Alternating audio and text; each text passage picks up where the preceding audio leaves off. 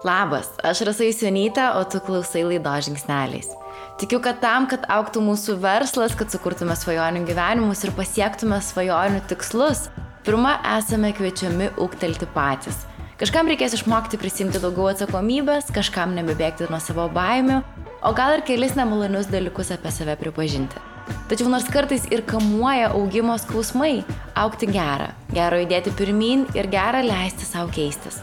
Apie drąsą tai daryti ir yra ši laida. Šiandien laidoje dar kartą susitinku su Monika Malinauskaitė. Kartu vedame moterų stovyklas, o mano svajonė ją šioje tinklalaidėje turėti nors kartą per mėnesį.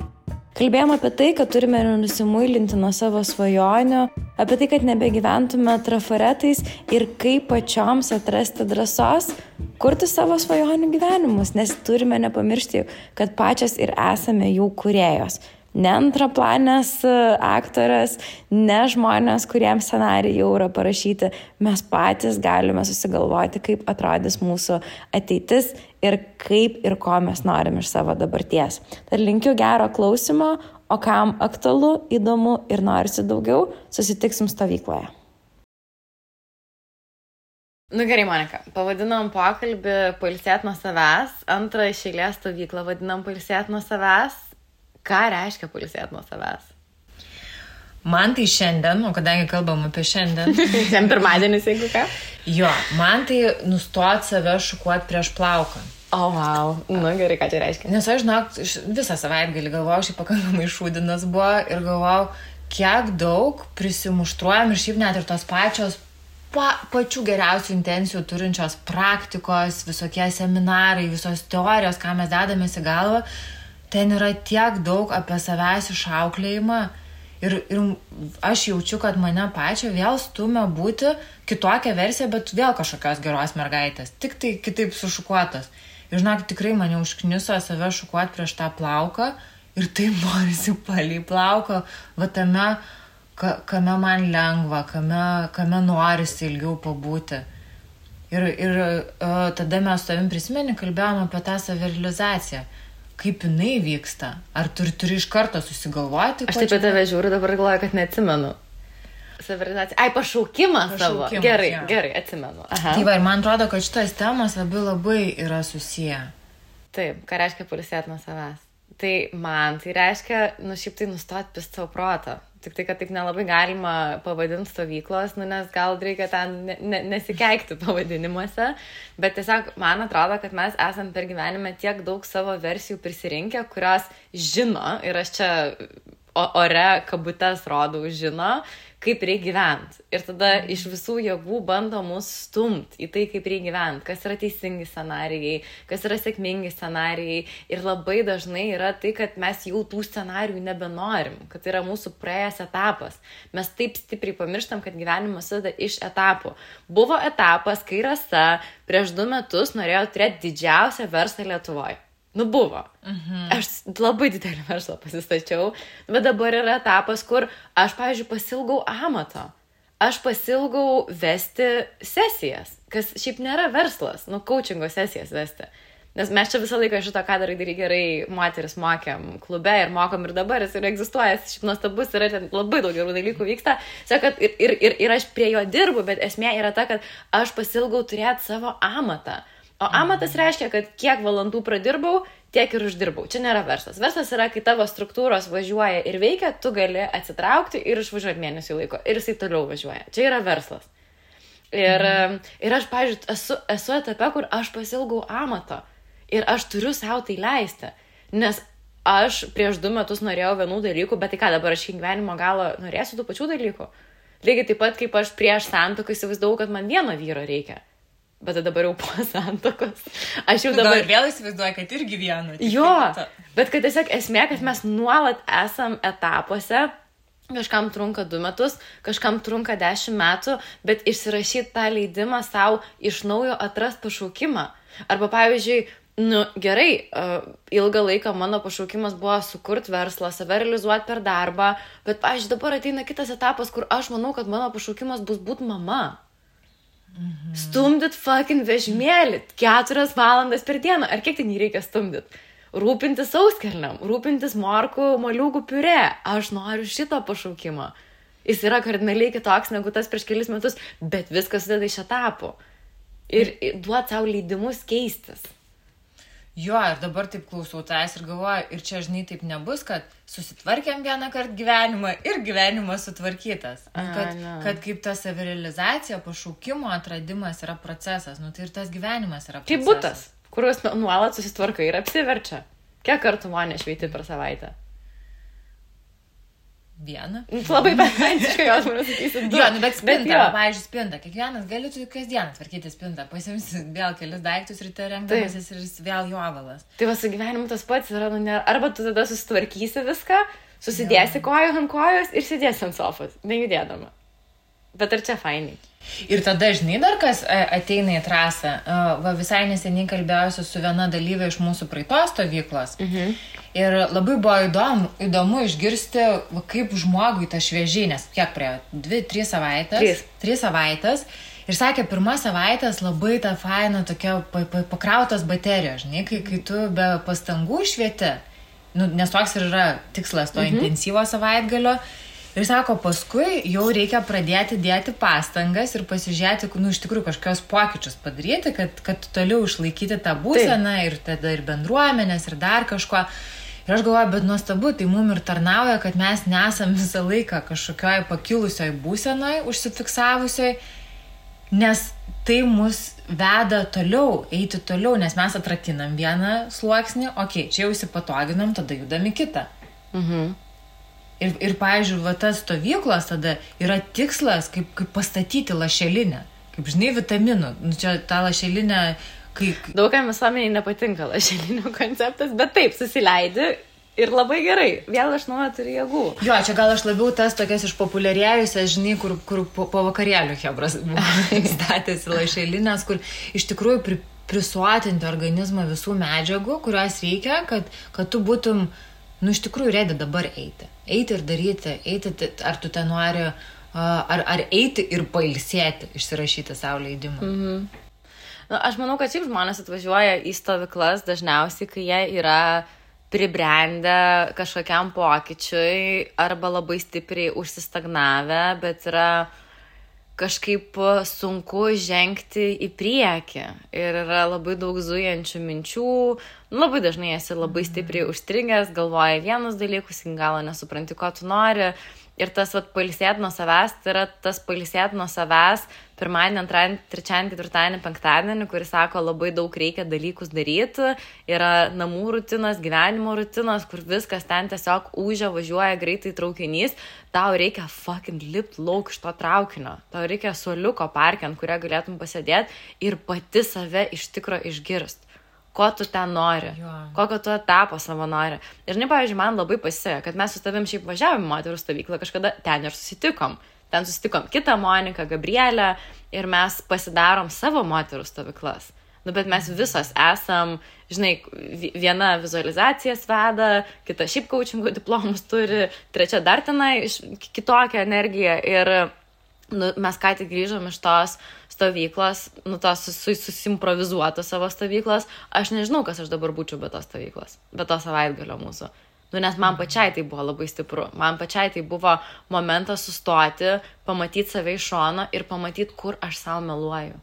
Man atrodo, čia yra pagrindinis dalykas, kuris iškyla stovyklose. Kur tu savo meluoji, kad tu nori tų dalykų, kuriuos tu darai. Nors viduje giliai žinai, kad nebenori. Nu, va tiesiog. Ir čia visi, kas klauso, jeigu taip užduot savo klausimą, o kur tu savo meluoji? Gal tavo sena versija norėjo tų dalykų, kurios dabar daro? O gal nei viena nenori, o tiesiog, nes man dažnai patiko draugas tokį patarimą davė, sako, žinai, užduoti klausimą, ko tu nori ir kodėl tu to nori. Mhm. Mhm. Nes yra vienas, oi, aš noriu šito ir tada truputėlį yra sunku atskirti, ar čia mano noras, ar tai labai labai atrodo norima dėl to, kad kažkam pasisekė tokiam mm. scenariui, bet kodėl tu to nori. Ir dažnai kiek mūsų norus formuoja kitin. Pavyzdžiui, aš esu influencerė. Nu, žinai, dalis mano gyvenimo yra va, tas gyvenimas, kuris tau pasiūlo atvažiuoti nemokamai į viešbutį arba ten dar kažką pagyventi. Ir nu, aš to nebeimu, nes aš nenoriu kurti, nu kartais pasiimu, bet aš nenoriu kurti realybės, kuri yra nu, va, netikra. Ir dažnai, pavyzdžiui, kai nori atostogų, tu nori važiuoti į Balį ir gyventi ant to ir toj viloj. Ir aš kaip pažįstu tos kitus influencerius, nu, su visa ten, žinai, derama pagarba, tai jie išsinamuoja tą vilą tai vienai nakčiai. Ir jie tenai mhm. išsifotkina. Bet jie vėliau negyvena toje viloje. Arba jie tikrai sukiša labai labai daug pinigų, bet žino, kad daro kontentą ant to.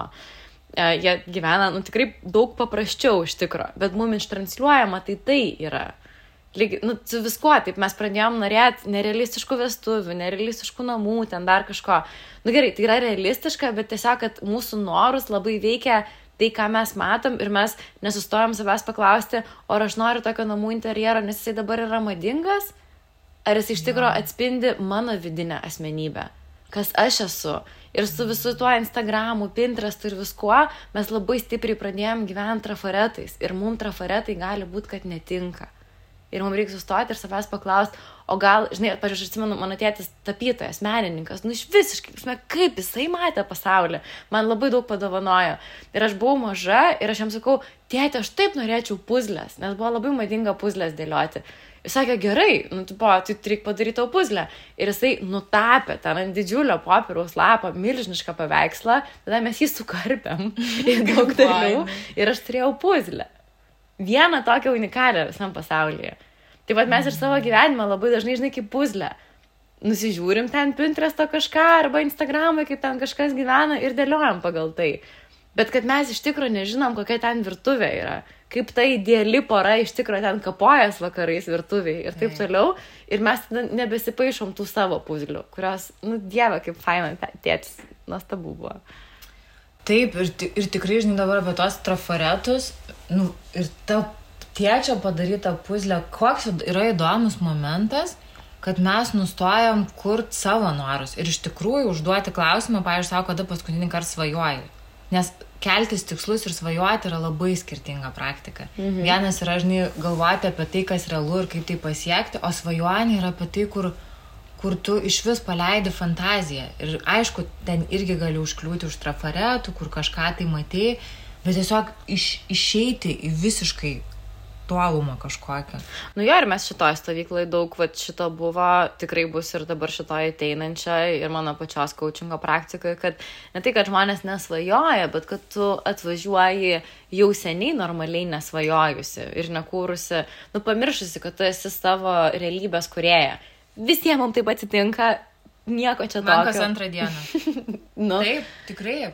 Bet mes kuriam savo realiai realybę, mes galim susigalvoti scenarius. Pavyzdžiui, tu dabar, vat, prieš jungiant mikrofoną, sakai, žiūrėk, aš galvoju ten bent iki vasaros išvažiuoti į Aziją ir gyventi ten, ten ir ten. Nu, tu susikuri šitą realybę, tu savo pasisakai, kad Taip. galima. Labai dažnai mes savo, uh, kai pradedam svajoti svajonės, išvardinam savo, ko negalima mums, kas mums yra neįmanoma. Ir vat atmokti tai. Nu, vad, kur aš einu į, e, į džimą su tokia nuostabia moterim. Dieve, kaip jinai man patinka, jinai yra toks saulės spindulėlis, bet jinai atsisveikina kiekvieną kartą išeidama iš treniruotės ir sako, nu viskas, einu į savo kalėjimą. Aš gal praeitą kartą aš tą sakiau ir jinai eina į savo darbą. Ir aš sakau, bet tai brangioju, nu, tai ne, nu, tai tu gali pakeisti darbą ir taip toliau. Ir jinai man pradeda vardinti priežastis, savo racionales ir logiškas, nu, vad, kodėl negalima tą darbą pakeisti kur blogiau bus. Ir mes tikrai Lietuvoje augę, mes augom su tom visom pasakymais, kad nebėg nuo vilko šoks ant meškos ir taip, taip toliau. Taip, taip. Mes iš tikrųjų kaip kalėjimuose gyvenam. Tai vad mano darbas stovyklos yra, kad tu atvažiuoji ir tu pradedi kalbėti, kokio tu gyvenimo nori. Ir tada, kai viena mergina sakė, važiuoji savo vežimu, nu, čia taip negražiai nuskambėjęs, bet bybis yra tas kažkas kaišioje. bet suprasti, ką ten tau kaišioje, kur ten pati savo kaišioje ir nebekaišot kad važiuotum į priekį pati, neleistum niekam tavęs atkalbėti, sustabdyti, nes mes kūriam savo gyvenimus, o tas gyvenimas vienas yra. Man tai davė stovyklas ir aš labai noriu kitiem tai duoti stovyklose. Ir tam nori, nenori, aš tai ne, nežinau, nu kažkokią čia nedviratį išradinėti, reikia sustoti. Nes viskas, ką mes kalbam apie trafaretus, tai yra iš inercijos. Nes ir iš tikrųjų mm. susigalvoti, mm savo dalyką nėra taip paprasta, net ir aš renku žodį susigalvoti, čia nesusigalvoti, čia reikia išjausti. Aš šiandien rašiau tekstą apie barokinės moteris. Nes prieš kelis metus aš supratau, kad, nu, aš tokį pavadinimą suradau tam, kad aš esu uh, barokinė moteris. Tai reiškia, kad, uh, nu, tiesiog manęs yra daug, aš tokia perteklinė, aš kartais atrodau ten kažkokioj erdvėje, nežinau, per daug varbatkių, visokių charakterio, manierų, drabužių ir taip toliau. Ypatingai, kai šiais laikais yra madingas minimalizmas. Viskame. Ir tada, žinai, tas barokas, jis kartais atrodo iššaukiančiai. Ir kaip viskas yra kontekstualu. Aš ten ir tam tekste suvedinėjau apie, žinai, mūsų vidinės architektūros ir išorinės architektūros stilių. Nes kai barokas buvo madinga ir visi geidė ir ėjo ir, ir kūrė ir imitavo baroką, tada barokinė moterim buvo lengva būti. Jeigu aplinkoje vyrauja minimalizmas arba vidinės struktūros klasicizmo, romantizmo, Tai ta barokinė moteris, jinai atrodo kaip pismėlina juosta ir jinai trigerina. Ir tada, žinai, suprasti, kad jeigu architektūros objektai turi teisę turėti kultūrinio paveldo statusą, tai gal galima ir savo išrašyti, žinai, tą vidinio kultūrinio, mm -hmm. architektūrinio paveldo statusą, bet turi pajausti, o koks ten tavo tipažas vyrauja ir jis dar gali pasikeisti. Ten, žinai, gal krūvą metų būni kažkokiu vienu paternu, paskui kitu ir todėl atvažiuoji į stovyklą, kur yra sukurta iš tikrųjų nu, tokia oazės erdvė. Man labai patiko praeitą savaitgalį klausiau Majos Grey laivą apie tai, kokios yra stadijos augimo ir kodėl yra momentas, kai praktikos nustoja veikti. Viskas yra labai faina ateiti į erdvę, kur prismilkyta, groja muzika, su tavim pasirūpinta tau maistas pagaminamas, tau ten, žinai, visa programa sudėliota. Realiai, va tokia, va, kaip ir šita stovykla, tu atvažiuoji ir tu tiesiog dalyvauji. Tau nereikia nieko galvoti, dėl nieko sukti galvos, tiesiog visiškai atsiduoti patirčiai. Mhm. Ir šita stadija, jinai yra vadinama tokia reanimacinė kur tau iš tikrųjų padeda visa aplinka susistatyti save, susirinkti. Ir paskui, jau kai tu susirinkęs, tada gal keičiasi ir tos praktikos ir atsiranda, tu susirandi, kas tau individualiai labiausiai tinka, todėl labai faina pasimatuoti kuo daugiau, mhm. atrasti, nes vienas yra labai vizualus, jam vizualizacijos, kitas per garsą eina, kitam rašymas, kitam, žinai, iš vis ar kažkokie um, psichoterapiniai metodai.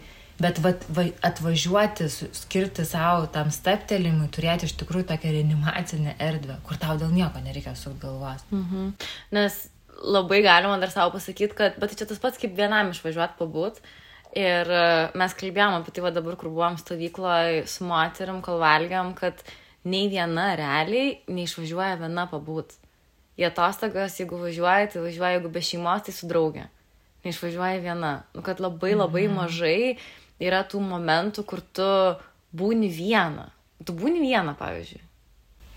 Nu, man tai yra svarbu. Nu. Aš pasidarau tada. Bet irgi, aš, aš, žinai, toks jau visiškai teisybę sakant, aš labiau teoriškai įsivaizduoju, kad aš būnu viena. Ne, nu, kaip man kiek reikėtų. Nes aš tai prisiversinai, aš žinau, kad man yra būtina. Mhm. Aš kartais ištremiu save lauk, nes taip. aš nenoriu. Man būna taip, aš buvau dabar važiavau į švenčionėlius, turėjau visiškai viena pasilikti ir aš sėdžiu virtuviai savo atsisėdus, man reikia sėsti mašiną, man reikia važiuoti. Ir, ir bandau sugalvoti atmaskęs, nu kodėl dar ne šį vakarą. Nes mhm. viena mergina man yra pasakojus, jinai darė tavo galios moters meditaciją.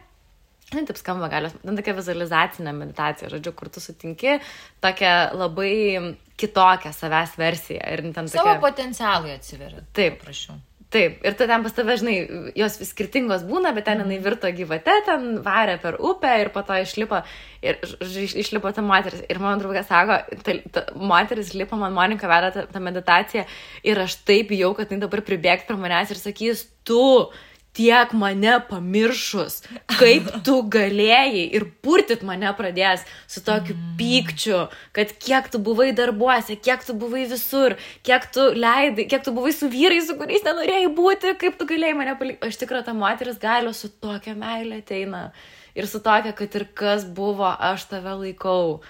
Ir, ir mums kartais labai baisu, ir kodėl man, pavyzdžiui, būna kartais baisu išvažiuoti pačiai vienai, nes man atrodo, kad ant ta galios moteris manęs jau laukia su bisbolkė. Žinai, nu, taip aš atvarau tą Airbnb ir daužysinai mane dabar.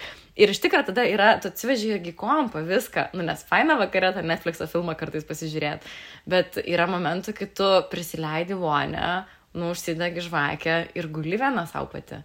Ir būni tyloj. Ir klausai Taip.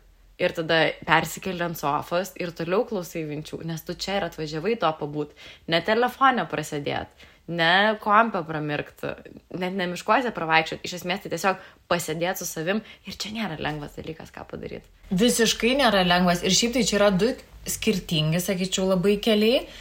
Uh, ir net nereikia vieno kažkurio iš jų rinktis. Labai rekomenduotina visų juos kaitalioti. Nes vienas, žinai, kai tu atvažiuoji tą, nu, pavadinkim, oazę, animacinę mm -hmm. erdvę, kur tau viskas, viskas sudėliota, pačiu fainiausiu būdu ir tau visos praktikos, kurios kalbina tavo vidų, kviečia tą galios moterį, kviečia galios vyrą, nu viską, ką tik tai nori, -hmm. visą zoologijos sodą. Vienas yra e, toks variantas ir jis irgi turi savo iššūkius ir, ir savo privalumus.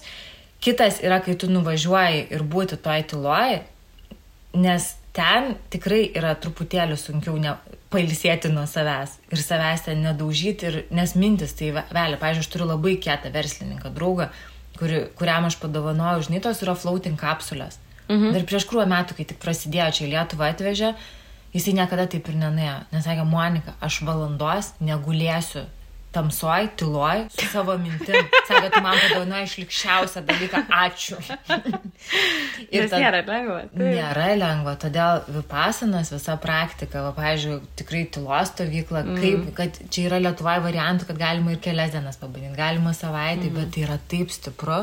Aš nesu perų džiunglėse patyrusi javaskos ceremonijos, kur laikoma nu viena tokių drastiškiausių psichodelinių praktikų ir ten tikrai crazy shit yra, nu labai stipru.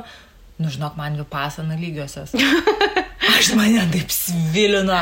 Aš, aš buvau vipasanai lygiai prieš metus, o tokiu metu. Čia kur aš tave nusinčiau netyčia. Taip, kur mes turėjom šeimti, turėjom visos draugės važiuoti ir Asa surado tokią klaipėdėtę vienuolę, grįžusią iš Menmaro į Lietuvą ir savo kaip faina. Budistė vienuolė. Budistė vienuolė. Varom, varom. Ir tokiu. visos kažkaip pasiplovė, o aš ten tokį iš užsidėgymo žodžio aš viena nuvažiavau.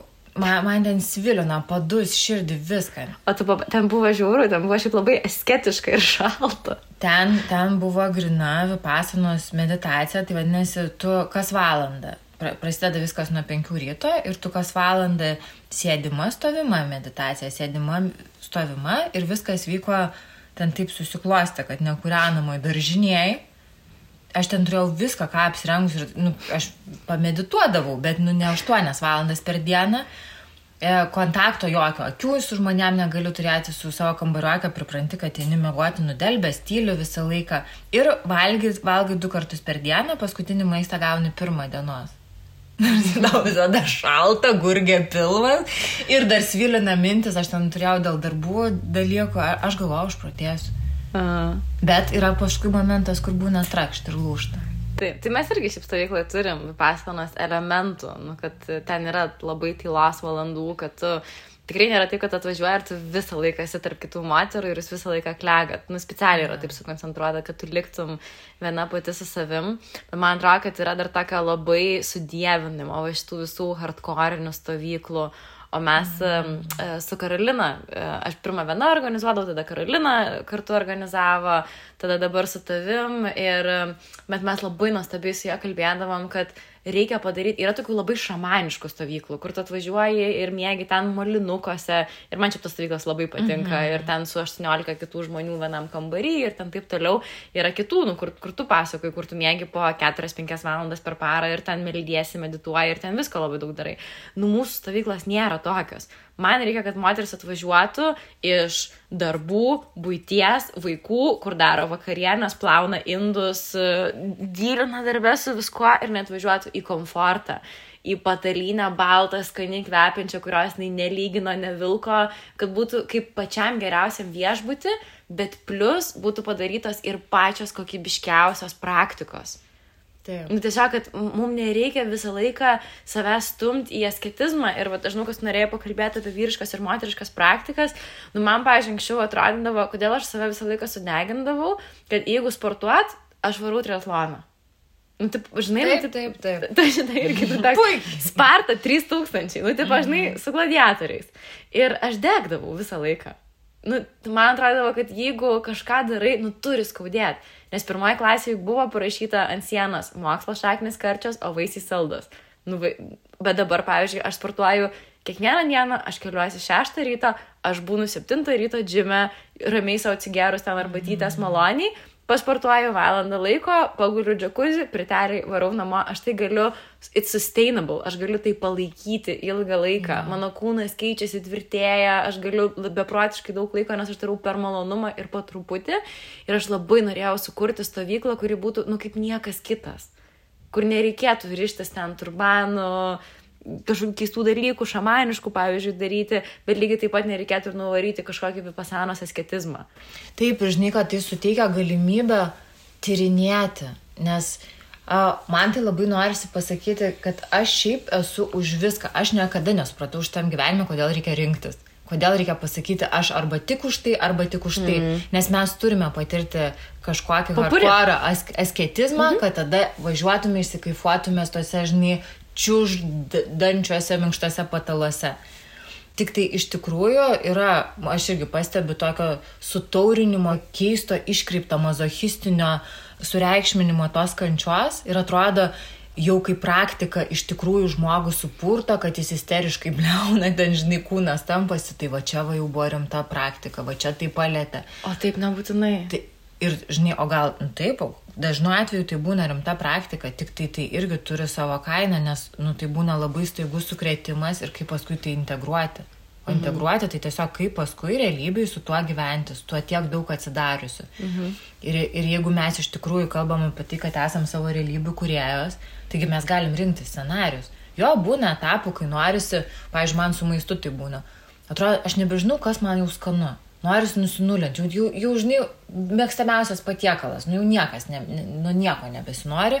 Ir aš tada valgau tiesiog plikytus grikius, net be drusko.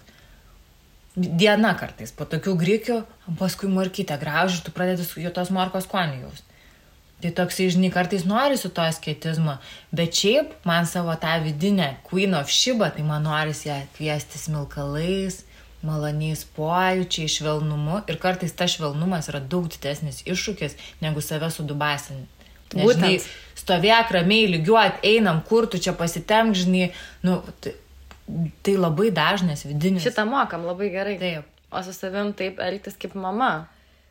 Nes taip Taip. pykstam ant tų savo mamų, kad to nepadarė, to nepadarė, ten tas negerai, o pati esi savo mama. Jo. O pati taip su savimi elgėsi. Arba ką trigerina mama, galim keisti, nes dažnai būna santykis su mama iššūkis irgi, mm. aišku, kaip geriausia draugė. Nu, mm. Geriausios draugės, tai ten apsibliovusios, žinai, ištinusios visos, ne, nesiūsi, kad dar eik, nu dar gilin pakapstykim ten Taip. kažkur, o kažkaip Su švelniai. savimi elgtis kaip su savo geriausia draugė. Taip, tiesiog, jo, stovyklų tikrai yra esmė transformuotas santykis su savim ir mes su tavim abi labai stipriai pačios ėjom per tai. Nes abi labai galėjom būti, nu, nesuvokiamai griežto savo. Man atrodo, kuo aš būsiu griežtesnė savo, tuo aš būsiu saugesnė. Tuo aš geriau gyvenime dalykus padarysiu. Bet Taip. Taip. toks santykis, nu, jisai degina nervų sistemą, degina tave pačią. Aš gal tada turėdavau visko, aš ir dabar visko daug turiu, negaliu sakyti, sakau, kad tada galėt, turėdavau visko daugiau, aš tik daug laimingesnė dabar esu. Ir pažįsti gal abi o, tos polių pusės. Mhm. Nes, pavyzdžiui, ma- mano tas parta niekur nedingo. Ir tik tos partos dėka aš Taip. galiu kažkokias praktikas vesti, kur aš taip atjaučiu tą moterį atvažiavusią, nes galbūt kelios dienos prieš aš patyriau labai panašų jausmą ir tą griežtumą savo. Tiesiog, kai yra kažkokia patirtis, atradus man tinkančias metodikas, kaip man padeda išeiti ir prisiminti, žinai, palauk, iš kokios pozicijos, iš aukos ir iš kurios, kaip man fainiau patirti, ko aš labiau noriu. Nors iš kitos pusės man dar, pavyzdžiui, norisi apie tą moterų stovyklą pasakyti kitą stereotipą, paneigti.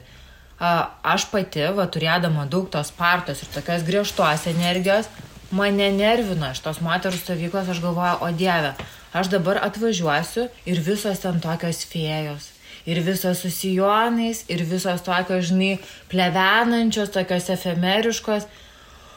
Nu, mano charakteris truputį kitoks. Aš galiu pabūti, bet aš nežinau, ar aš noriu važiuoti visą savaitgalį tokioje energijoje būti ir dar pinigų, pinigus už tai mokėti. Mm. Tai, pavyzdžiui, man čia pakankamai trigerina, man tada reikėjo labiau moterišką energiją ateiti, bet yra atvažiuojančių moterų, kuriuom yra prigim, prigimtis būti tokia fėja. Jai tiesiog yra lengva, jinai tokia nuostabiai graži bala išskydus. Ir tada toj stovykloje jinai susiduria su klausimu, ar joje pakankamai spartos ir tos vyriškos energijos, veikos vyriškos energijos. Ir jeigu nepakankamai, tai kaip ją pradėti kultivuotis, nes mes šiaip visi turim, nu taip, pam, pam, mes turim ir moteriškos, ir vyriškos energijos. Taip. Tik tai kokia buvo mumise kultivuota, nu mane tėvas augino kaip berniuką mes žvejodavom kartu, sliekus maudavom ant e, kabliukų. Nu, mm. Aš tikrai buvau, mano mama yra pakankamai vyriška, tai man nu, nuostabu, man buvo labai daug duota va šito prado, kuris yra apie dalykų įgalinimą, padarimą, rezultatus, pasiekimą, bet aš visiškai aplinkoje neturėjau švelnumo savo.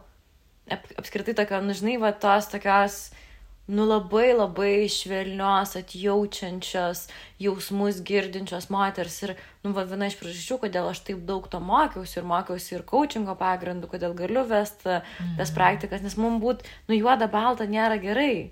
Jeigu tu svajoji svajonės, bet tik kalbė apie tas svajonės ir negali jų įgyvendinti, nu, tai blemba reikia atsisukti ir pasižiūrėti, kodėl. O jeigu tu tik tai varai, daužai karjerai, viskas gerai, bet uh, viduj tai ten tuščia, apatija, bloga, nu tai vadinasi, truputį pačiai trūksta švelnumo savo. Ir tada vad ką daryti, kad jas susi alainins tas energijas.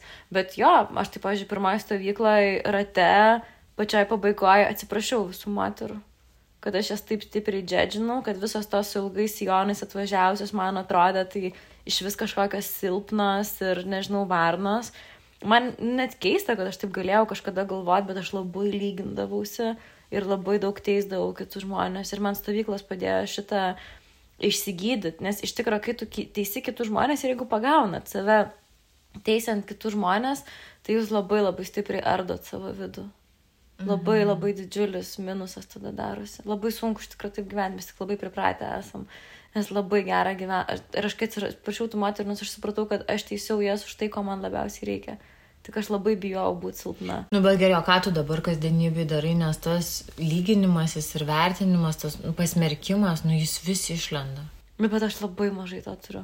Ir jeigu aš tą turiu, tai aš tą sustoju ir aš, nu, atsisuku tiesiog į save ir galvoju, tave trigerina, kodėl tave trigerina. Mhm. Nu, žinai, aš nesu Jėzus Kristus, nu, tipo, nu, aš tikrai, nu, pasilygini Ir į veidrodį žiūrėdama kartais savo pasakai, nu, blemo, čia nedara šitie rūbai, arba ten gal galėjai geriau ir taip toliau. Ir tada savo primenu, kad, va, tas švelnumas, kuris yra, na, nepalauk mažutė, aš penkis darbus šiandien ryte pasidariau, aš šunį valandą pavidžiau, aš džime buvau, na, aš neturėjau laiko sušukuoti plaukų, nori, einam sušukuojam dabar. Nu, bet, ja. bet tas toksai, kad uh, labiau gebėti, tiesiog aš žinau, kad visiems yra vietos pasaulyje. O labai daug žmonių gyvena galvodami taip, kad nėra. Ir tada man mano buvęs vyras visą laiką sakydavo, su kuo tu lenktyniauji. Ir prikolindavo visą laiką, sakydavo, tu man nesaky, kad mes čia varžomės, nes aš net su juo sugebėtų varžytis, nes su visais nuolat save lygini. Ir žinai, vat, mes per dabar, kai buvom visos draugės susitikusios savo tą improvizuotą į moterų stovyklą, kalbėjom man tai, kad e, aš, pavyzdžiui, gyvenime, nu žinau, čia labai kontroversiškai skamba, bet aš noriu varyti labiau ant septyneto. Aš nebenoriu varyti visur ant dešimtuko kad ir atrodyti 10 iš 10, kai mama būsiu būti 10 iš 10 mama, darbė 10 iš 10 ten savo darbuotoją ir. Aš važiavau iš, iš to pasibuvimo, iš tą dalį praleidai. Praleidai, nu. Ir kaip pavyzdžiui, kai, na, nu, aš taip įsivaizduoju, kad kai esi mama, kaip ahujanai sunku visą laiką būti 10 iš 10 mama gal geriau eimint, kad būsi 7 iš 10. Tai bus dienų, kai, žinai, vidurkis. Kai būsi labai gera, bus dienų, kai leidi savo. Šiaip prasme, mes esam, nu, nesuvokiamai naivus padarai. Tarsi, kas yra tas 10? Nu, nu tikrai mums visiems reikia biški atsičiuchinti. Man kažkada atrodė, jeigu būtų aukščiausias pasaulio dangoraižys ir aš galėčiau būti jo savininkė ar direktorė, tai būtų, nu, tai aš tikrai pasiekčiau daugiausia, ką žmogus gali. Nu, bet nėra tokio dangoraižio. Yra skirtingos rytis, yra skirtingi aspektai, tiesiog to dešimtuko nėra. Mm. Ir kai suvoki, kad to dešimtuko nėra, tik tai, pavyzdžiui, man dar toks atradimas, kad neužtenka vieną kartą suvokti. Aš turiu kiekvieną dieną savo priminti. Dešimtuko nėra. Taip, taip, nes tikrai būna, atsidarai Instagramą, pamatai nuostabiai gražią merginą ir galvoji, blem, ir dabar primeni savo, pala, pala, pala, pala, pala, pala. Jo, mm. ką tu čia dabar darai? Ir va, ta autentiškumas labai lenda tema, kuri iš tikrųjų yra kontroversiška, nes aš dar šiandien ryte turėjau tokį kažkaip jautresnį rytą po savo praktikų ir taip kažkaip man ten viskas atsidarė, daug emocijų. Uh, ir, ir aš sėdžiu, apsikabinusi yra Ir tokia, nu, idiotiška situacija. Ir, ir aš jam sakau, sakau, suprantate, aš žiūrėjau nuotraukas ir kai aš turėjau ilgus plaukus, aš buvau tokia graži, tokia moteriška. Sakau, aš, aš nemačiau nei vienam scenariui, kad moteriai tokiais trumpais, tokiai somalio moteriai, tokiai mhm. žiniai, kad jai deimantus dovanotų ir kad jinai su jachta plauktų. Sakau, aš neturiu pažado iš išorės, nu, yra re, reperės atlikėjos, aš nežinau, ar jos gauna deimantus ir iš visų. Bet ant dantų turi. Taip, ir kaip ten, nu, va, bet turi. Ir kaip ten jos gyvena, bet aš galvoju, aš nematau šalia pasiekiamo pažado, kad man su šitais plaukais kas yra tik simbolis dabartinio kažkokios mano išraiškos, kad man su šituo charakteriu paės. Nes supranti, nėra, nes atrodo, jeigu aš kuo labiau arčiau kažkokio šablono, stereotipo, tai va ten numatai, žiūrėk, ir tai, va tai ten susiklosto, tam mm. susiklosto. O čia atrodo nėra pažado. Tau pažįstama šitas jausmas? Jo, bet mes, pažiūrėjau, turim draugę Gabrielę, kurios e, penktadienio vakaro planas, nu, kas yra pažadas? Pažadas yra kada esi laiminga, nu, kai su draugais daraisi vakarienę, žaidži stalo žaidimą, gal varai į klubą, gal, nu, žinai, tipo tų trafaretų yra skirtingų. Mhm. Gabrielė penktadienio vakarą prie minus 20 varo į mišką, susikūrė laužą, pasistato palapinę ir ten miega vieną. Nu, aš esu šitą kažkur pasakojus jau. Ir Gabrielė statosi, jos vyras jai pats stato namą miške.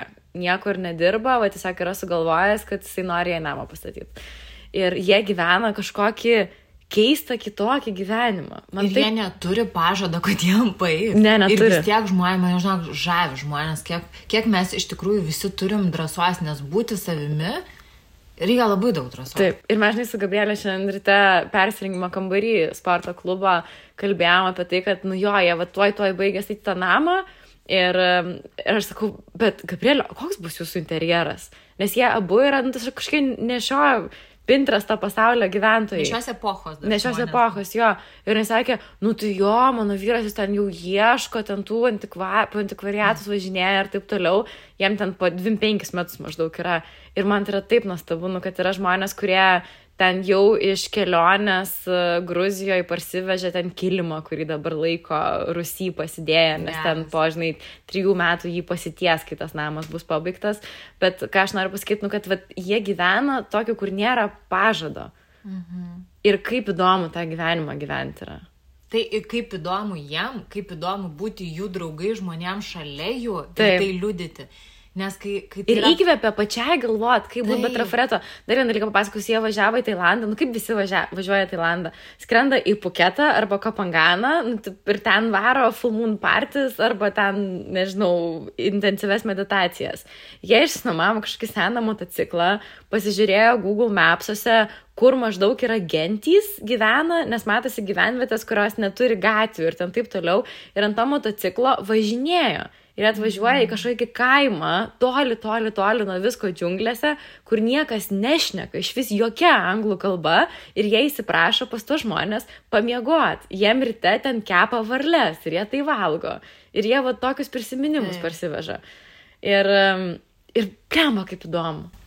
Ir va būtent, kad tai įdomu ir jiems, ir, ir mums. Ir, ir, ir šalia, nes mums atrodo dar kartais baisu, kad jeigu būsiu labai savim, kad tarsi ta aplinka neprims ir jai bus per, nu, kažkaip per ekstravagantiška, bet tai nėra tiesa, tai objektyviai nėra tiesa, mm. nes mus kažkaip instinktyviai tas kitoniškumas traukia. Ir, pavyzdžiui, kodėl yra taip faina keliauti ir aš neatsakyčiau, daugumai tipažų žmonių yra svarbu keliauti. Nes mes, kai gyvenam vienoje realybėje, mes kaip arkliukai tuos akidangčius užsidedam ir tikrai atrodo labai įprasta ryte keltis tada ir tada, eiti, įprasta eiti į darbą, įprasta turėti kažkokią rutiną, įprasta, kad šviesoforė, kai užstega žalia einama.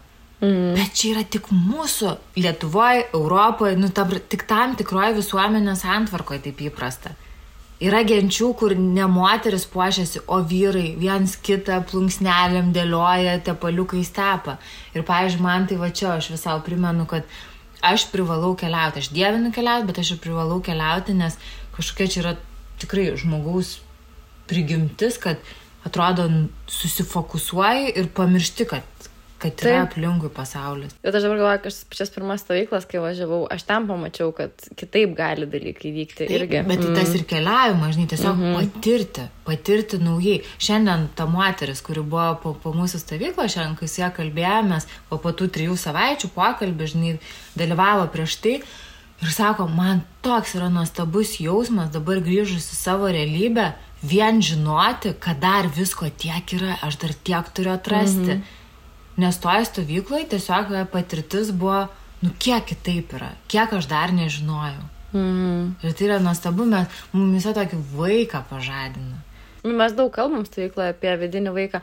Man atrodo, kad žmonėms būna taip keista, kai nesupranta, kas jaučiasi stovyklose. Man dažnai per Instagramą ten ką nors rašo. Ko klausia dabar? Ką aš internete matau, kas yra šiaip labai nesąmonė, kur žmonės, kurie yra niekada nebuvę stovyklose, bet sako, kad ten per stovyklą žmonės nartoja narkotikus ar dar kažko. Aš net alkoholio negeriu. Nu, ta prasme, kur aš iš viso, nu, tipo, pure, pure, nu, taip, tu į Perų važiavai, ten buvo ayahuasca ir taip toliau, bet... Ja, e, bet žinok, stovyklos Lietuvoje aš nesu girdėjęs, kad narkotikus, aš tada noriu tokius. pasakyti, kur tokie, kur tokie yra. yra. Nu, nes iš viso, nu, turbūt stipriausias dalykas, ką geri per stovyklą, tai yra kakava. Nu, toks nu, tai... maksimaliai. Bet man atrodo, kad daug žmonių nevažiuoja, nes bijo šito, nu, kur jum niekas nieko, ne, ne, nesąmonė, nu, čia man atrodo yra gandų gandai, o kitas dalykas, kad kodėl taip šamaniška. Ir aš tada galvoju, ką reiškia šamaniška ir man atrodo daugeliu moterų, aš tokį labai įdomų klausimą gau, sako, labai noriu atvažiuoti stovyklą, bet aš taip bijau, kad reikės sėdėti tam rate ir atvirai visą moterim pasakot. Ir mes pirmą dalyką, ką pasakėm, pažiūrėjau, šitoj stovykloje, aš šitą gal biški vėliau stovyklos eigoje pasakydavau, kad iš vis nėra tokio dalyko kaip reikia. Mhm. Iš kur čia atsirado? Nu, darželį mus mokydavo, kad, žinai, auklytė tau sako, ką reikia daryti, tu ir darai tai. Čia nenori dalyvauti praktikose, nedalyvauji, nenori valgyti su visais, nevalgai, nenori, nesidalini. Ir tikrai buvo viena moteris šitoje stovykloje, kuri atėjo rate, jinai sėdėjo, bet jinai nei vienoje praktikoje nedalyvavo. Jinai vienu metu išplėdo savo tokį urvelį pasidarė, ten tiesiog įlinda. Nu, bet jai reikėjo būti klausytis. Ir, ir jai buvo sudaryta beprotiškai saugia aplinka.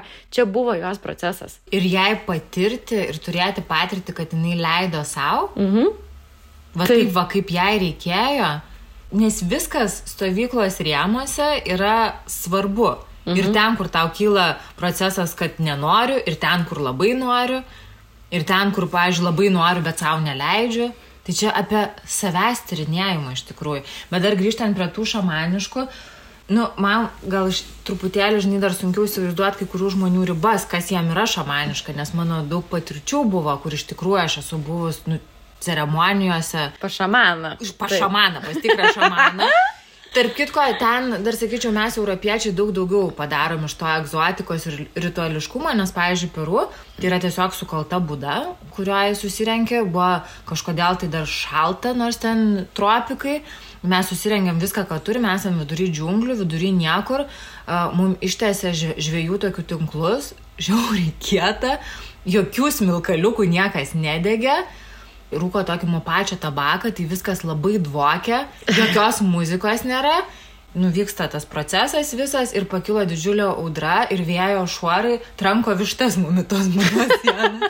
Ir ten kažkokie baisūs staugimai tose džiunglėse. Tai žinai, dar, nu, ką mes vadinam šamanišku, tai mes vadinam savo jo, savo kažkokią vakarų pop versiją, kur iš tikrųjų gal yra labiau apie komfortą, apie jaukumą, ką jums nepatinka kvapas malonus namie, ar nepatinka malonus audiniai, skanus skoniai. Nu, čia, ta, va, čia tas ir yra, žinai, ką žmonės dažnai šamaniškumu nurašo. Jo, tai turbūt atrodo, kad ten bus vartojama kažkas, tai ten tikrai nieko ne, nevartojama, apart nuostabios, nuostabios, ten gyvos kakavos. Ir kai sakai kakava, tai jinai irgi yra nes, nėra nesfikas, tai yra tikra roka kava, kuri tiesiog atveria širdelę, kaip kava duoda būstą nervų sistemai, taip kaip kava duoda būstą nervų, tai yra tai, tai širdeliai. Ir man atrodo, ta kita dalis yra, kur mes su Urika Valan, atsimenu, šitą kalbėjom. Nu, aš, pavyzdžiui, kai esu stovyklose, kai esu pati viena namuose, e, nežinau, balyje, aš tokia seksė esu. Mm. Nu, crazy, kaip aš vaikštų apsirengus. Nu, bet, e, nu, dabar šiaip šalta, ten visa apsimuturiavusiasi, bet, bet tais rūbais eiti Lietuvoje į gatvę, nu, tu keistai atrodytum. Nes e, šiaip labai Lietuvoje moteris rengiasi uniseksų. Nu, toks vyriškai šiek tiek rūbais. Arba nei, nei moteriškais, nei vyriškais. Nu, bet mes mažai seksualiai rengiamės. Nu, ir su Brazilijom palyginti tikrai mažai. Taip, taip, taip, taip. Ir čia, dabar, nieko blogo nėra, čia faina, mm. aš pati, tai yra labai gera mada, tai atrodo labai skoningai, bet man pačiai, pavyzdžiui, būnant savo erdvėjai, nu man taip norisi seksi, leisti savo tą leidimą, duoti būti, tai kaip aš šoku, tai kaip aš atrodau, nu man patinka tas būvis. Aš tiesiog galvoju, kad dažnai gal dar žmonės mato nuotraukose tuos kimono arba ten mm. nuogą nugarą ir ten dar kažką ir atrodo kažkaip keista. Tai aš tiesiog labai daug dirbu kartu su moterim, nu, išeiti iš to racionalaus proto galima, negalima ir pasirinkti, o kaip tau pačiai norisi. Nu, man, pavyzdžiui, patinka seksualiai.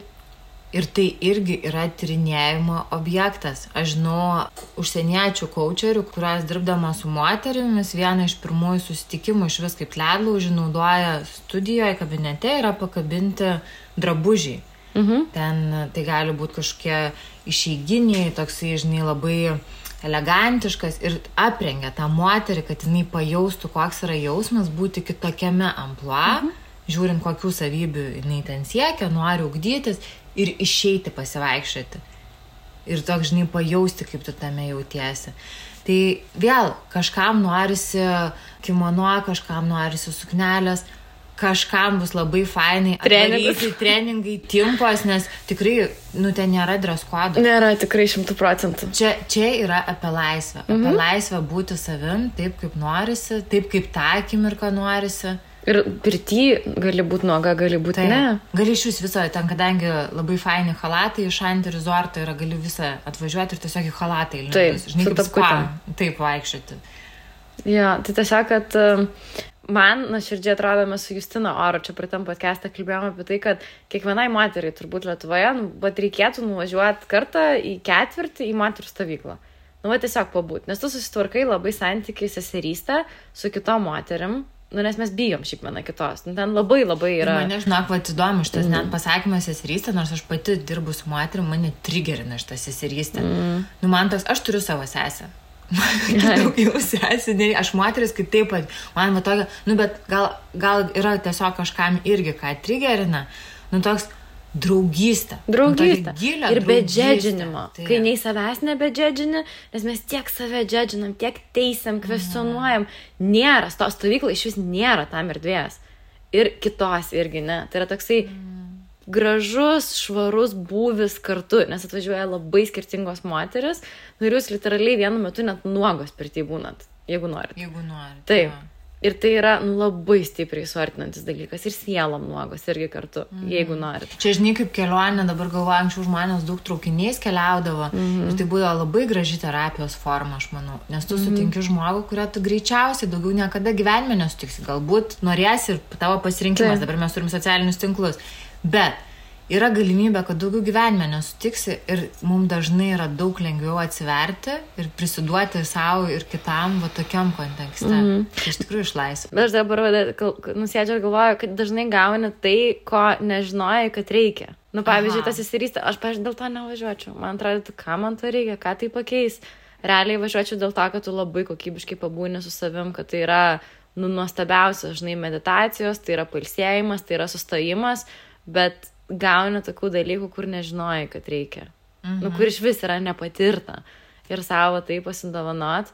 Ir man atrodo, mes praeitą stovyklą sakėm, kad daugiau nebeorganizuosim, tai tu turbūt iki vasaros išvažiuoji į Aziją, aš tai žiemai visai išvažiuoju, tai tikrai nebebus taip, kad bus dar. Tai kas nori atvažiuoti, yra penkios dabar, man atrodo, moteris užsiregistravusios, mes darom mažas grupės, tai šitas, kai išeis, tai dar turbūt kokios penkios bus užsiregistravusios, tai dar kelios vietos bus.